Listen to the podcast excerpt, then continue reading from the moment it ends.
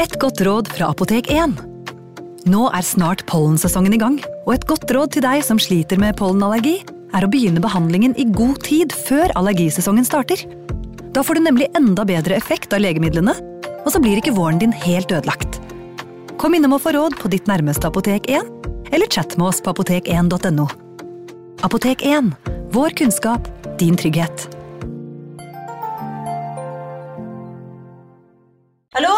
Jeg kommer fra Oslo politikammer. Ine Jansen er purk. Er du purk? The motherfucking bitch. Alt jeg vil, er å finne ut hva som skjedde med mannen min. Jon Carew. Er jeg sikta for noe? Iben Akeli. Det er du.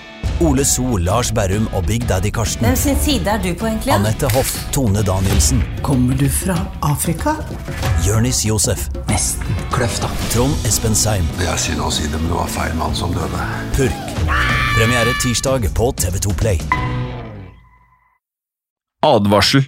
I denne podkasten vil du høre historier basert på informasjon programlederne har funnet selv.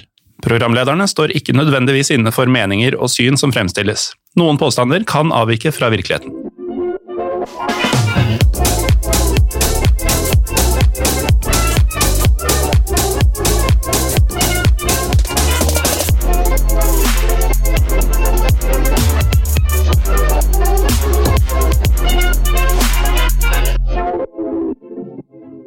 Velkommen til Historiepodden. Mitt navn er Jim Fosheim.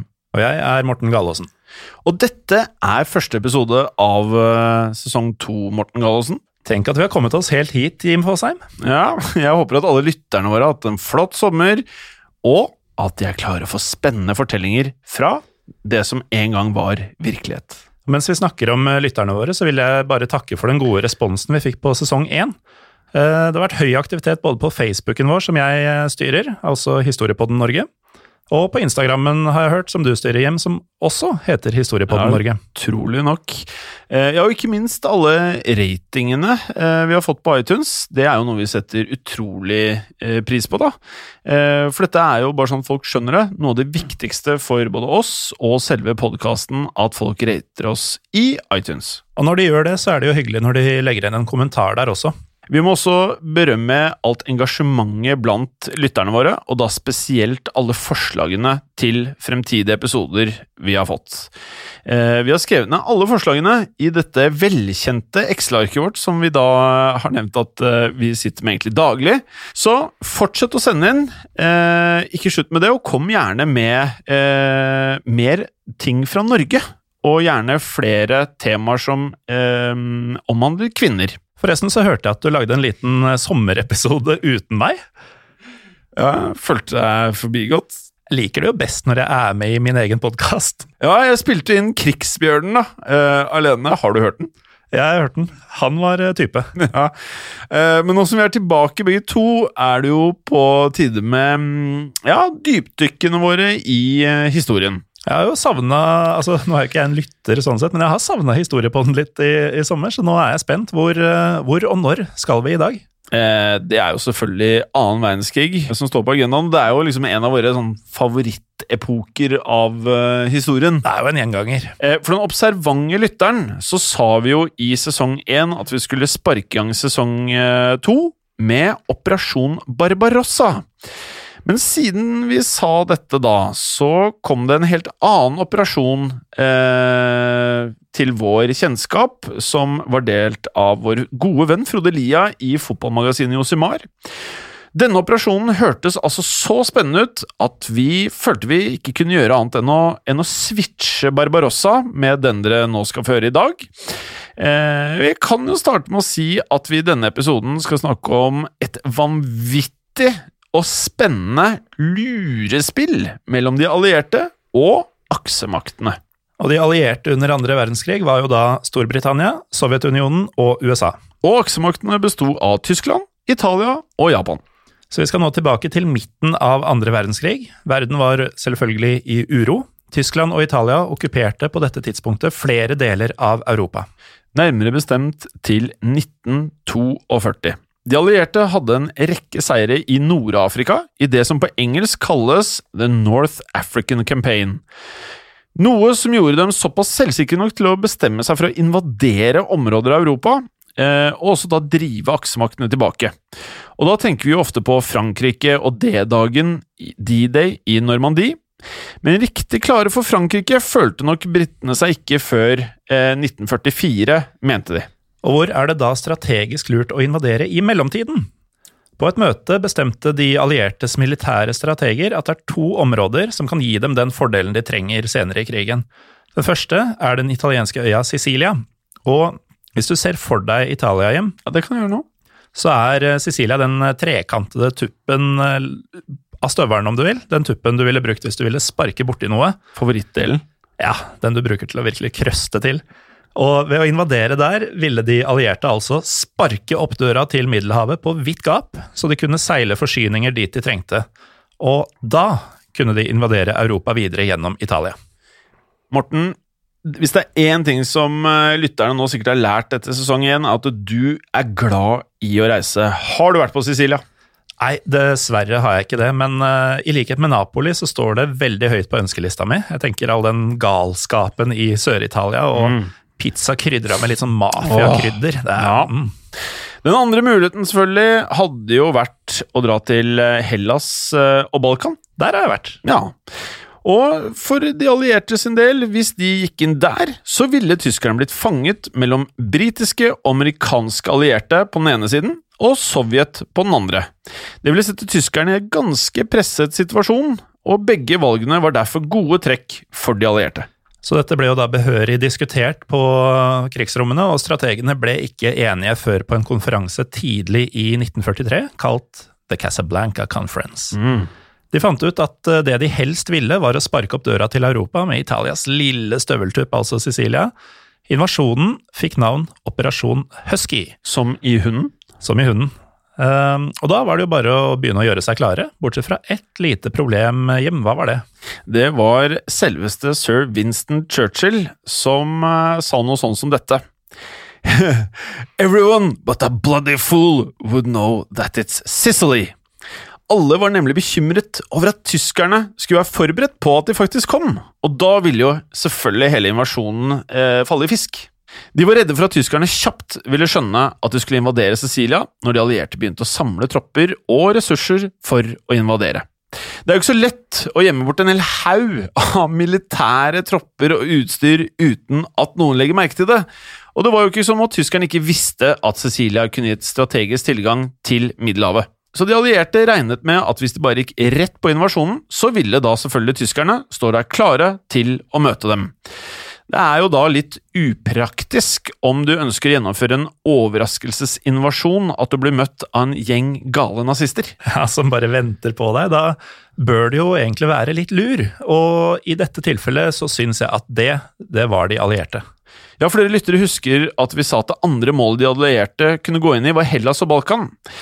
Selv om de valgte Sicilia i stedet, så visste de nemlig at Hitler var bekymret for at de skulle gå inn i Balkan. Ikke bare ville tyskerne være under press fra flere sider, men de utvant også viktige materialer her, råmaterialer, som ble brukt til krigsindustrien. Om de allierte fikk kontroll over området, så ville jo tyskerne ha store, store problemer. Og den bekymringen var noe de allierte kunne utnytte. Derfor gikk de i gang med to operasjoner til. Den første var Operasjon Barclay, og den andre, som skal være hovedtema her i dag, er Operasjon Mincemeat. Som i eh, maten, altså kjøttdeig mincemeat. Akkurat som i kjøttdeig. Ja, det er litt av sjarmen med andre verdenskrig, syns jeg. Disse hyggelige, hverdagslige navnene på de villeste operasjonene. Det gjør seg godt for folk som liker historie. Ja, så det er smakfull historie vi skal gjennom her nå. Og, men, men før vi får kverna oss gjennom kjøttdeigen, Bra ordspill, Morten. takk, så må vi forklare hva Operasjon Barclay gikk ut på. Ja. Eh, Og for at dere lyttere skal holde litt styr på alle disse operasjonene vi nevner i denne episoden, så kan vi sette opp hierarkiet litt sånn som dette. Operasjon Husky er altså selve invasjonen av Sicilia. Mm. Og for å få til denne operasjonen, så setter de allierte i gang en annen operasjon, nemlig Operasjon Barclay, for å dekke over Operasjon Husky. Og under dekkoperasjonen Barclay så får vi en egen del av den, kalt Operasjon Smith. Ikke noe forvirrende i det hele tatt. Nei da, dette er såre enkelt. Det er altså en egen operasjon som skal sørge for at Operasjon Barclay skal lykkes. Invasjon, dekkoperasjon, Og en egen del av dekkoperasjonen. Er du med hjem? Ja, det er, ehm, det er jo veldig forvirrende selv når man har sittet og skrevet dette her. Eh, Men det var jo selvfølgelig poenget, eh, men jeg føler jeg henger med. For dekkoperasjon Barclay gikk ut på at de allierte skulle late som om de skulle inn i Balkan og Hellas. Da ville tyskerne bli redde for ressursene sine, og hva kunne de da gjøre annet enn Det naturlige ville jo da være å kalle troppene sine ut av Sicilia for å sette dem inn på Balkan. Det er så lurt. Det er lurt, men det forutsetter at tyskerne måtte bli skikkelig overbevist om at det faktisk var det de allierte hadde tenkt å gjøre. Så for å selge illusjonen så satte de allierte opp et slags hovedkvarter i Kairo i Egypt. De holdt også militærøvelser i Syria, og for å gjøre disse litt ekstra dramatiske, så brukte de noe som heter dummy tanks. Altså Når jeg hører hovedkvarter i Kairo, annen verdenskrig, jeg tenker veldig fort på Indiana Jones. Ja, det er fort gjort. Ja. Mye nazister også i uh, Ja, er Indiana jo, Jones. ja, det er jo hovedmotstanderen, det. eh, dummy tanks, altså eh, panservogner som ikke var ekte, altså fake vogner. Ja, veldig fake. Altså, de var ofte enten laget av tre, eller så var noen av dem faktisk oppblåsbare. Så kunne man bare sette dem opp eh, litt som for å si 'se så mange tanks vi har'. Smart. Virkelig vise fram en styrke som egentlig ikke var der. da. Og de ble faktisk brukt i slag også, for å gi inntrykk av at de var sterkere enn de egentlig var.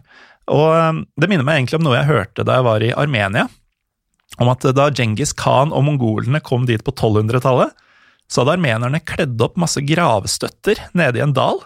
Sånn at for mongolene oppe i høyden så så det ut som om hundrevis av soldater sto klare til å ta dem imot. Eh, og det bremsa jo mongolene den gang, så jeg har trua på sånne dummy-strategier. Så de er da oppblåsbare. Da må vel eh, Da er det jo rimelig å anta at de ganske enkelt eh, går i stykker, da, eller? Ja, det, det gikk noen eh, dummy tanks, for å si det sånn. I, eh, I én operasjon i september 1944 så stilte britene faktisk med 148 dummy tanks, hvorav halvparten ble ødelagt av skudd. Det jeg ser for meg nå, er sånn herre Lyd som er da når eh, en av disse panservognene blir truffet av et skudd og bare flyr av gårde, litt sånn tegnefilmaktig. Som en ballong som bare Det hadde jo vært litt gøy, men det, det var dessverre ikke sånn det Nei. var. Um, sånne tankser hadde um, et sammenleggbart skjelett inni. Um, men det hadde jo vært uh, gøy å se en alvorlig krigsfilm der det plutselig flyr punkterte dummy-tanks rundt omkring i lufta. Det er akkurat den der åpningsscenen i Saving Private, uh, Private Ryan trenger. Punkterte dummy-tanks som suser forbi. Ja, og da gjerne med sånn ballonglyd som høres ut som en fis. Men i øvelsene i Syria ble de altså brukt for å gi inntrykk av at det var langt flere styrker på plass enn hva det egentlig var. Litt ekstra show for tilskuerne, slik at tyskerne skulle legge merke til det. I tillegg samlet de allierte sammen greske kart, gresk valuta og hyret inn greske tolker, alt tilsynelatende for å gjøre seg klare for sin store, fete greske invasjon. Åh, Skjønte du ordspillet? den var fin, altså. Ja. Samtidig sendte de også falske meldinger fra hovedkvarteret i Kairo om hvor troppene befant seg. Og det ga jo tyskerne et ganske sterkt signal om at de allierte forberedte seg på å invadere Hellas og Balkan. Men hvordan skulle de overbevise dem om at de også ikke hadde tenkt å invadere Sicilia, når det var det de egentlig forberedte seg på? Så da kommer vi endelig til operasjon Mincemeat, eller eh, denne kjøttdeigen vår hjem. hjem. Det var hovedsakelig to karer som hadde ansvar for den. Den første var Charles Cholmondeley. Han var en British Intelligence Officer og en løytnant i eh, The Royal Air Force. Og med på laget hadde han en annen mann kalt Ewan Montague, en eh, tidligere advokat som nå jobbet i The Naval Intelligence Division. Der hadde han ansvar for å følge med på alle dobbeltagenter til havs. Disse to jobbet på en topphemmelig plan. De skulle nemlig plante falske brev og dokumenter som skulle lure tyskerne til å tro at de allierte planla en finte, et skinnangrep på Sicilia.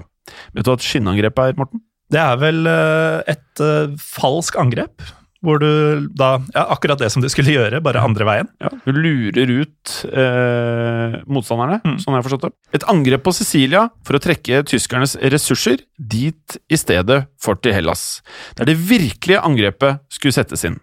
Det var dette de ville at tyskerne skulle tro, men i virkeligheten skulle de allierte også gjøre det ekte angrepet sitt i Sicilia, mens tyskerne ventet i Hellas. Åpenbart et høyt spill de driver med, disse allierte. og det måtte jo være ganske troverdig for at tyskerne skulle ta dette for god fisk, for eh, hvilke kilder ville tyskerne tro på?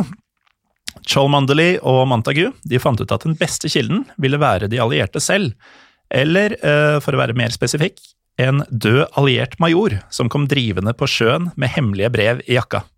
Nesten som flaskepost, men i stedet for en flaske får man da altså en død mann, som tilsynelatende er ganske så viktig for de allierte.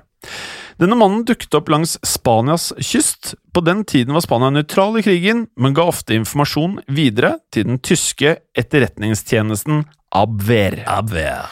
I området der denne kapteinen ble funnet, var det også en tysk agent som hadde mange viktige spanske kontakter i det offentlige.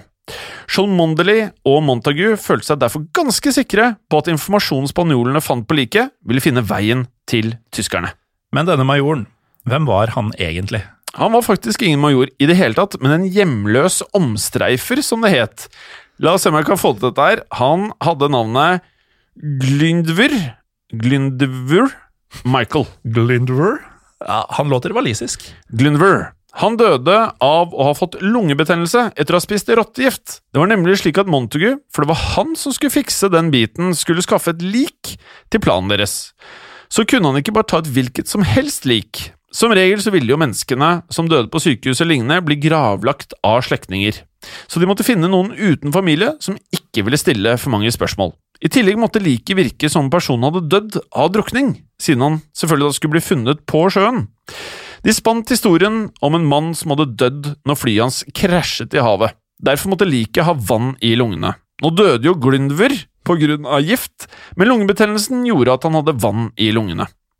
Montagu var likevel bekymret for at spanske patologer ville oppdage rottegiften i liket, og bli mistenksomme, selvfølgelig. Men en britisk patolog, sir Bernard Spilsbury, forsikret Montagu om at den lille mengden gift som ville være igjen når kroppen hadde vært på sjøen noen dager, ikke ville bli oppdaget. Spanjolene ville jo anta drukning på grunn av hvor liket ble funnet.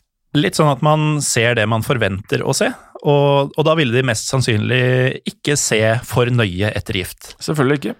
Og etter at et overbevisende lik ble funnet, så måtte Cholmondeley og Montagu finne ut av hvordan de skulle skape en troverdig identitet som ville overbevise tyskerne om at dette var en ekte kaptein. Så liket det ble til kaptein William Martin, midlertidig major og en del av britenes Royal Marines. Han skulle være utplassert i Combined Operations Headquarters, en avdeling i Krigsdepartementet som sendte tropper for å raide tyskerne under krigen. Denne stillingen gjorde at det ga mening at han hadde med seg hemmelige brev om angrepsplaner. Og I tillegg så ga de ham det som spioner kalles eh, pocket litter, eller lommerusk.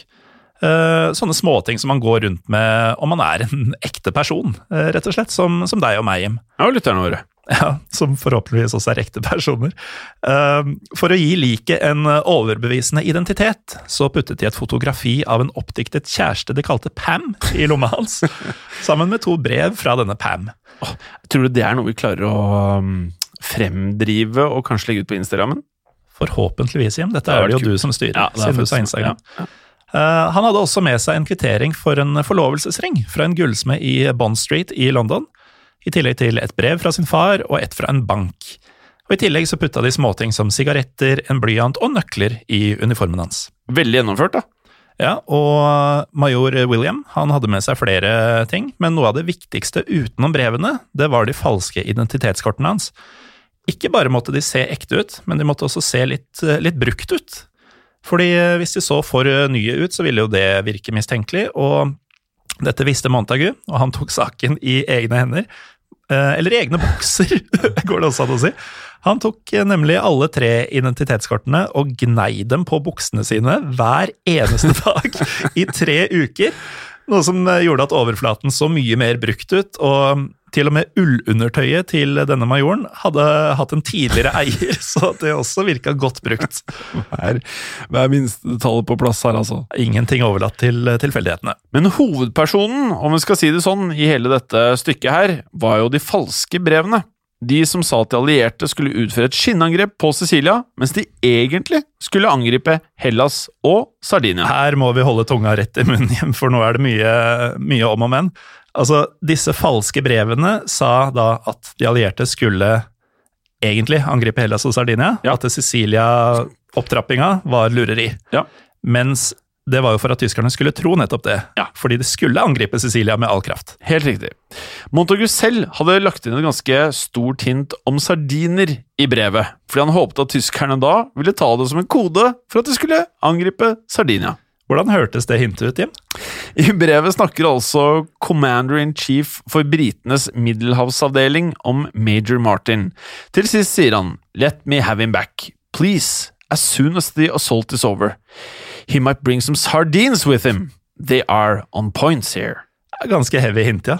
Men eh, tenk om tyskerne bare hadde trodd at han var veldig glad i sardiner. Det er jo knallgodt. Da hadde de Da hadde ting kanskje gått litt middels, da. Ja. Men Chalmandeli og Montagu de visste at spanske myndigheter mest sannsynlig ville vise brevene til tyskerne først. Så ville de levere liket med alle eiendelene tilbake til britene. Og da var det jo greit for britene å få det bekreftet at uh, spanjolene og tyskerne faktisk hadde åpnet brevene og sett på hva som sto der. Derfor så la de en eneste svart øyevipp i brevet. Det er litt James Bond, altså. Det er James Bond. Fordi hvis brevet ble åpna, så lå øyevippen slik at ville, den ville falle ut. Eh, og brevene de putta de i en koffert som var festa til liket med en lenke. Litt sånn Olsenbanden-opplegg, dette her. Som man ofte brukte for å hindre tyveri. Da var det hele klart for neste steg, men nå skal vi ha en liten pause. Etter den får vi endelig høre om Operasjon Mincemeat satt ut i praksis. Gå gjennom kjørtkverna, kan vi si. Ville Major William Martin faktisk klart å lure tyskerne? Vi kommer tilbake med svaret etter denne pausen. Velkommen tilbake. Hvor var vi igjen nå, Morten? Operasjon Mincemeat er klar til start. Så klart. Så, med et lik og en ny identitet på plass, var det bare for klarsignalet. Den endelige bekreftelsen måtte komme fra Winston Churchill himself, og jeg antar at obersten som forklarte ham planen, kom om natta. For da satt sir Churchill faktisk i senga si, i en morgenkåpe, og røykte en sigar. Det er så Churchill, det. Um, Obersten forklarte da Winston uh, også at det var jo ikke sikkert at dette her kom til å fungere. Kan hende kom spanske myndigheter bare til å levere liket tilbake til britene med en gang, uten at verken spanjolene eller tyskerne åpnet brevene, og da ville jo selvfølgelig hele greia mislykkes. Til dette skal eh, Churchill ha svart In that case, we shall have to get the body back and give it another swim. Eh, han hadde jo sin markante stil, Churchill, da. Churchill hadde stil. Så da hadde Operasjon Mincemeat fått klarsignalet sitt, og liket av Glyndver Michael, nå major William Martin selvfølgelig, ble sendt av gårde med en ubåt mot Spania. Ubåten som het Seraph, kom til overflaten ved kysten av Huelva i Spania klokken 04.15 om morgenen den 30. april. For å holde operasjonen så hemmelig som mulig, så hadde det meste av mannskapet fått beskjed om at de fraktet topphemmelig meteorologisk utstyr som skulle slippes ut ved kysten. Bare et fåtall visste at den store beholderen de faktisk hadde med seg, ikke inneholdt noe utstyr, men et lik. Derfor ble de fleste beordret under dekk når liket skulle kastes i sjøen. Etter det var gjort, sendte ubåten en melding hjem som sa Mince meat completed. Og så fikk major William Martin sitt livs første svømmetur. Eller ikke sitt livs første, da. Han var jo død, da. Han var jo det. Ja. Eh, sin første svømmetur, er vel mer riktig. Den eh, varte i noen timer, helt til en eh, fisker plukka han opp klokka halv ti om formiddagen. Og da ble han jo gitt til spanske myndigheter, som rapporterte til britene at de hadde funnet liket. En britisk kontakt i Spania sendte melding til myndighetene om at kontakten måtte få tilbake kofferten til kapteinen så raskt som mulig. Den var nemlig ekstremt viktig, sa han. Eh, og dette ble egentlig sendt i kode, men britene visste at denne koden, den hadde tyskerne knekt.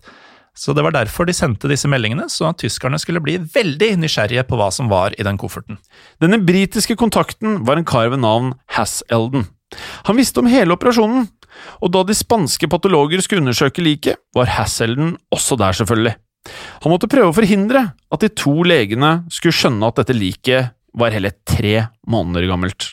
Operasjonen ville jo selge illusjonen om at liket kun var noen få dager gammelt, så Hass-Elden måtte få legene til å ikke være så veldig nøye. Og da, Morten, hva gjorde Hass-Elden? Jeg aner ikke, men eh, jeg tipper det er noe bra. Han sa til legene Hei, folkens. Siden det er så varmt og dette liket stinker så innmari, skal vi ikke bare avslutte undersøkelsen nå, så kan vi stikke og ta oss litt lunsj? Det var ikke det han sa. Ikke ordrett, men det var faktisk noe sånn som eh, fikk undersøkelsen avsluttet tidlig. Så legene skrev under på at dødsårsaken var drukning, og da slapp spanske myndigheter liket ut av sin varetekt, og det ble begravet som major William Martin i Huelva 2. mai. Det at de legene gikk med på å avslutte undersøkelsen tidlig, er jo litt artig, for det er jo akkurat det vi snakket om tidligere, at man ser det man forventer å se. Ja, og at man ikke skal undervurdere hva tanken på lunsj da kan gjøre med mennesker, Morten. Ja, Du sier noe der, og i Spania så kødder du i hvert fall ikke med lunsjen. Men uh, nå var jo altså operasjon Mincemeat, som var første ledd i operasjon Barkley, gjennomført. Nå gjensto det store spørsmålet. Hadde de lykkes, kom tyskerne til å få tak i brevene i kofferten? Ja, det var jo en bekymring en stund her, fordi kofferten ble overlevert til den spanske marinen, og de ville ikke gi den til tyskerne. I stedet sendte de den til Madrid for undersøkelser. Der fikk en høytstående tysk agent i Abwehr nyss om brevene. For å få ting til å skje spurte han faktisk selveste sjefen for hele den tyske sikkerhetstjenesten, admiral Wilhelm Canaris, om han kunne overtale spanjolene til å gi dem en kikk. Og det var han villig til, og da ble spanjolene litt mer medgjørlige. Når sjefen for Abwer spurte, så sa de etter hvert ja, ok, da. Så de brukte en teknikk der de rullet brevene stramt rundt en sylinder, før de dro brevet ut av konvolutten, for på den måten så brøt det ikke voksseilet, sånn at det skulle se ut som om brevet ikke var åpnet. Brevene var eh, selvfølgelig fuktige, for de hadde jo ligget i havet, så spanjolene tørka dem og fotograferte dem, før de ble lagt i saltvann i 24 timer, før de ble puttet tilbake i konvoluttene. De visste nemlig at britene ville jo bli mistenksomme om de fikk helt tørre brev tilbake. Eh, på denne måten så nådde innholdet i brevene de tyske agentene, som selvfølgelig gikk helt av skaftet av denne gullgruven av informasjon, og straks sendte denne tilbake til Tyskland. Den 11. mai ga spanske myndigheter kofferten tilbake til Hasselden, mens de latet som at de så visst ikke hadde åpnet brevene. Hasselden sendte den videre til London, der måtte britene finne ut om brevene var blitt åpnet eller ei, og hva tror du de fant, eller snarere ikke fant i brevene? Det var kanskje en manglende øyevipp, det, Jim? Nemlig. Ingen øyevipp å finne, noe som betydde at brevene hadde blitt åpnet. I tillegg ble brevene tørket, og da rullet de seg slik de hadde vært da spanjolene surret dem rundt sylindere for å få ut innholdet. Altså sånn at det avslørte at brevene hadde vært åpna og rulla på et vis? Mm, helt riktig. De studerte også selve papirfibrene. De var blitt såpass slitte at man kunne konkludere med at de var blitt åpnet og brettet sammen igjen mer enn én en gang. Jeg syns det er så sjukt. Altså, dette er jo på 40-tallet. At man kunne se på de bitte små fibrene i et papir. Om det har blitt åpna og bretta sammen mer enn én en gang. Dette er proffe folk, Morten. Eh, langt proffere enn oss. Eh, så nå visste de med sikkerhet at brevene hadde blitt åpnet og lest. Men dette måtte de ikke la tyskerne få vite at de da visste.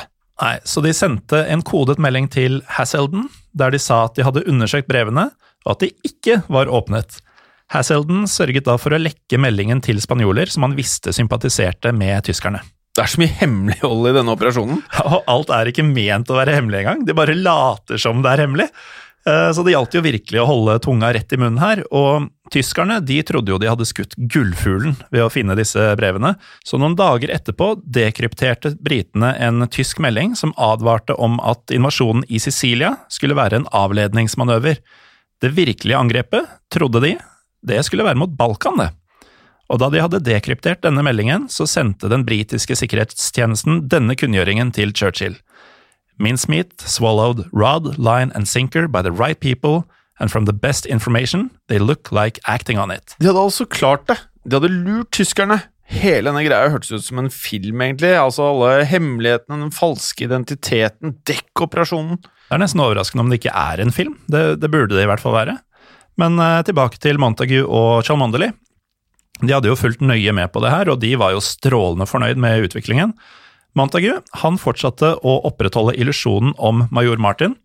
Blant annet inkluderte han navnet til majoren i en liste over britiske dødsfall i The Times 4. juni. bare sånn i tilfelle noen fortsatt eh, fulgte med fra tysk side. Men Operasjon Mincemeat var gjennomført, og nå gjensto det å se hvordan dette påvirket Operasjon Husky. Og som lytterne husker, så er Husky navnet på selve invasjonen av Cecilie.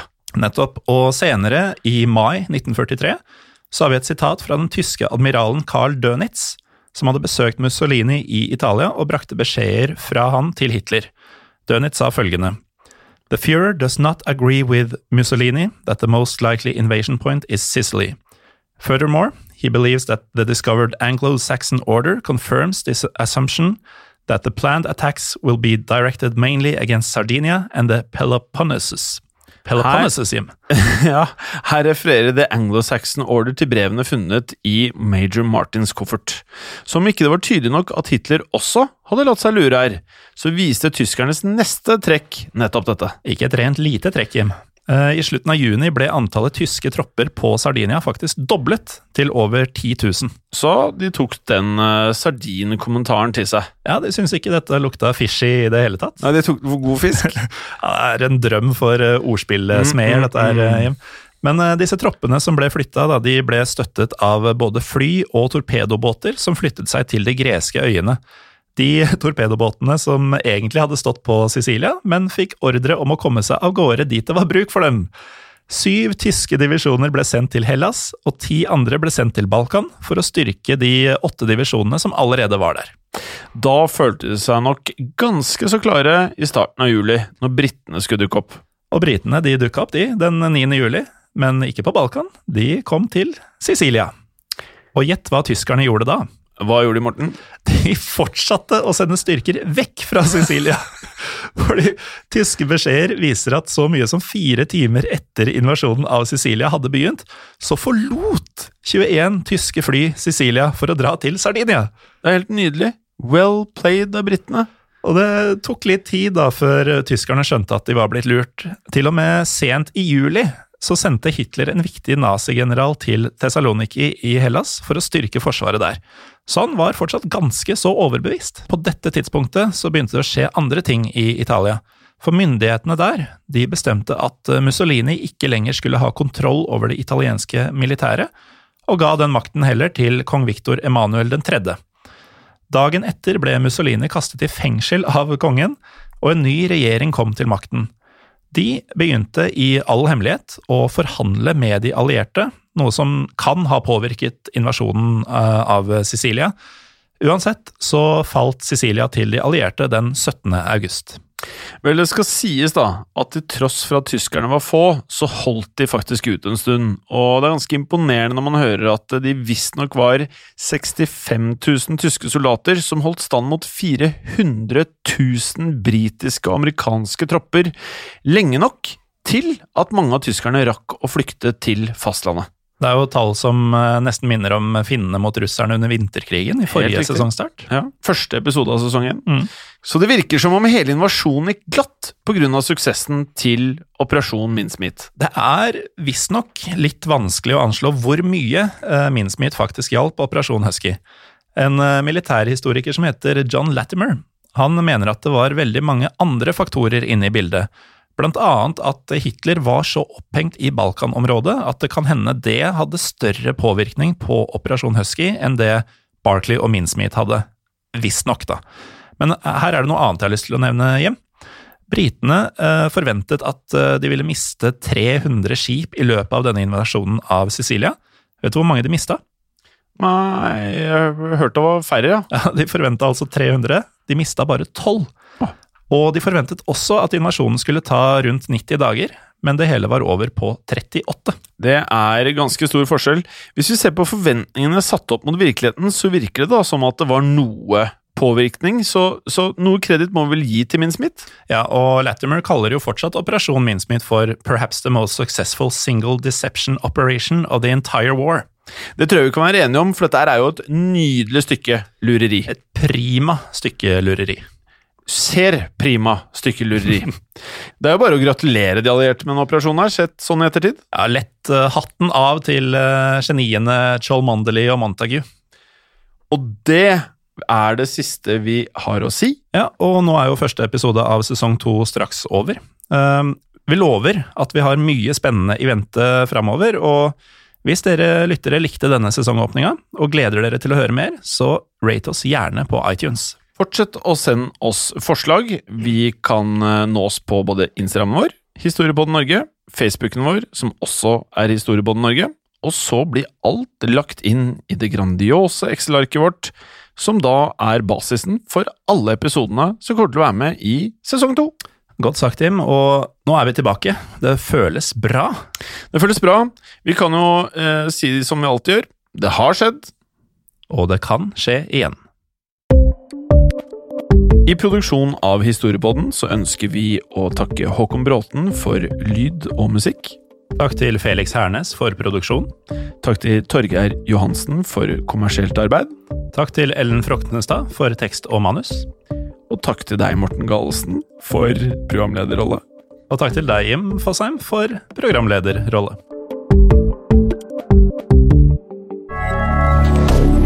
Moderne media. Har du et enkeltpersonforetak eller en liten bedrift? Da er du sikkert lei av å høre meg snakke om hvor enkelt det er med kvitteringer og bilag i fiken, så vi eh, gir oss her, vi. Fordi vi liker enkelt. Fiken superenkelt regnskap. Hei, og takk for at du lytter til Historiepodden. Skulle du ønske at du kunne høre en ny episode av Historiepodden hver eneste uke? Vel, da er det én ting å gjøre. Da kan du laste ned podkastappen Untold med det samme. For i tillegg til ukentlige episoder av podkaster som Historiepodden andre verdenskrig, Henrettelsespodden og også Gangsterpodden, så får du masse annet reklamefritt og også eksklusivt innhold. Last ned Untold i AppStore eller Google Play og start din 30 dagers gratis prøveperiode allerede i dag.